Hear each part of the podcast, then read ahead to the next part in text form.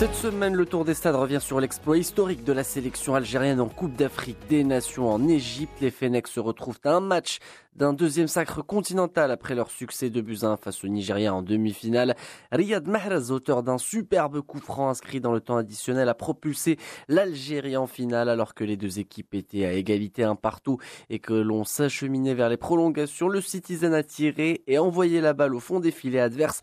Un but synonyme de victoire et de qualification de l'Algérie pour la troisième finale de son histoire après celle de 1980 au Nigeria où l'équipe a perdu face au pays hôte en finale et celle de 90 où l'Algérie a obtenu son unique euh, victoire finale en Coupe d'Afrique des Nations, toujours face au Nigeria. Auteur d'un match héroïque, les joueurs algériens ont fait preuve d'une bonne maîtrise de jeu et d'une grande solidarité en dominant nettement leur adversaire nigérian, surpris par la combativité et la vivacité des coéquipiers de Youssef Belaïli, étincelant durant tout le match. Une victoire qui a permis au peuple algérien d'exulter et de vivre une soirée magique. Retour sur cette qualification avec Soufiane Farouli, le joueur des Verts. On est très heureux pour le peuple algérien. Voilà. Félicitations à tous ceux qui sont venus dans la tribune. C'est pour eux cette victoire, pour tout le peuple algérien ce soir qui peut être fier de, son équipe nationale. Je pense qu'on a contrôlé le match dans l'ensemble, on aurait pu faire la différence plus tôt. Mais bon, ça a été à la dernière minute, tant mieux, tant mieux pour, euh, le spectacle, j'ai envie de dire. Et donc euh, voilà, je, pense que le Sénégal aussi a réalisé un bon match, mais euh, l'Algérie a été supérieure, on a contrôlé le match et on mérite cette victoire. C'est magnifique, franchement, il faut fêter ça. Après, nous, les joueurs, on sait, ce qu'on, sait pourquoi on est venu à cette canne. On avait l'ambition de venir euh, jouer cette finale. Donc euh, on y est. Il faut, faut, redescendre rapidement. On peut être heureux et tout, mais il faut penser à la finale pour la préparer, pour essayer, Inch'Allah, de la ramener en Algérie. Et après le coup de sifflet final, les Algérois ont envahi les rues de la capitale pour saluer l'exploit de leur sélection. 29 ans que les Algériens l'attendaient. Cette qualification a été arrachée avec panache.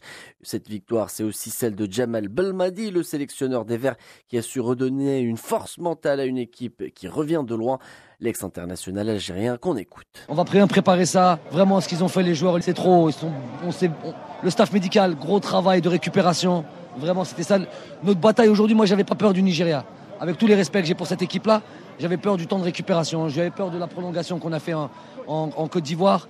Avec, avec cette prolongation, avec le climat, avec l'humidité, les joueurs étaient puisés. Et ressortir un match comme ça, c'est énorme. D'un point de vue psychologique, c'est énorme.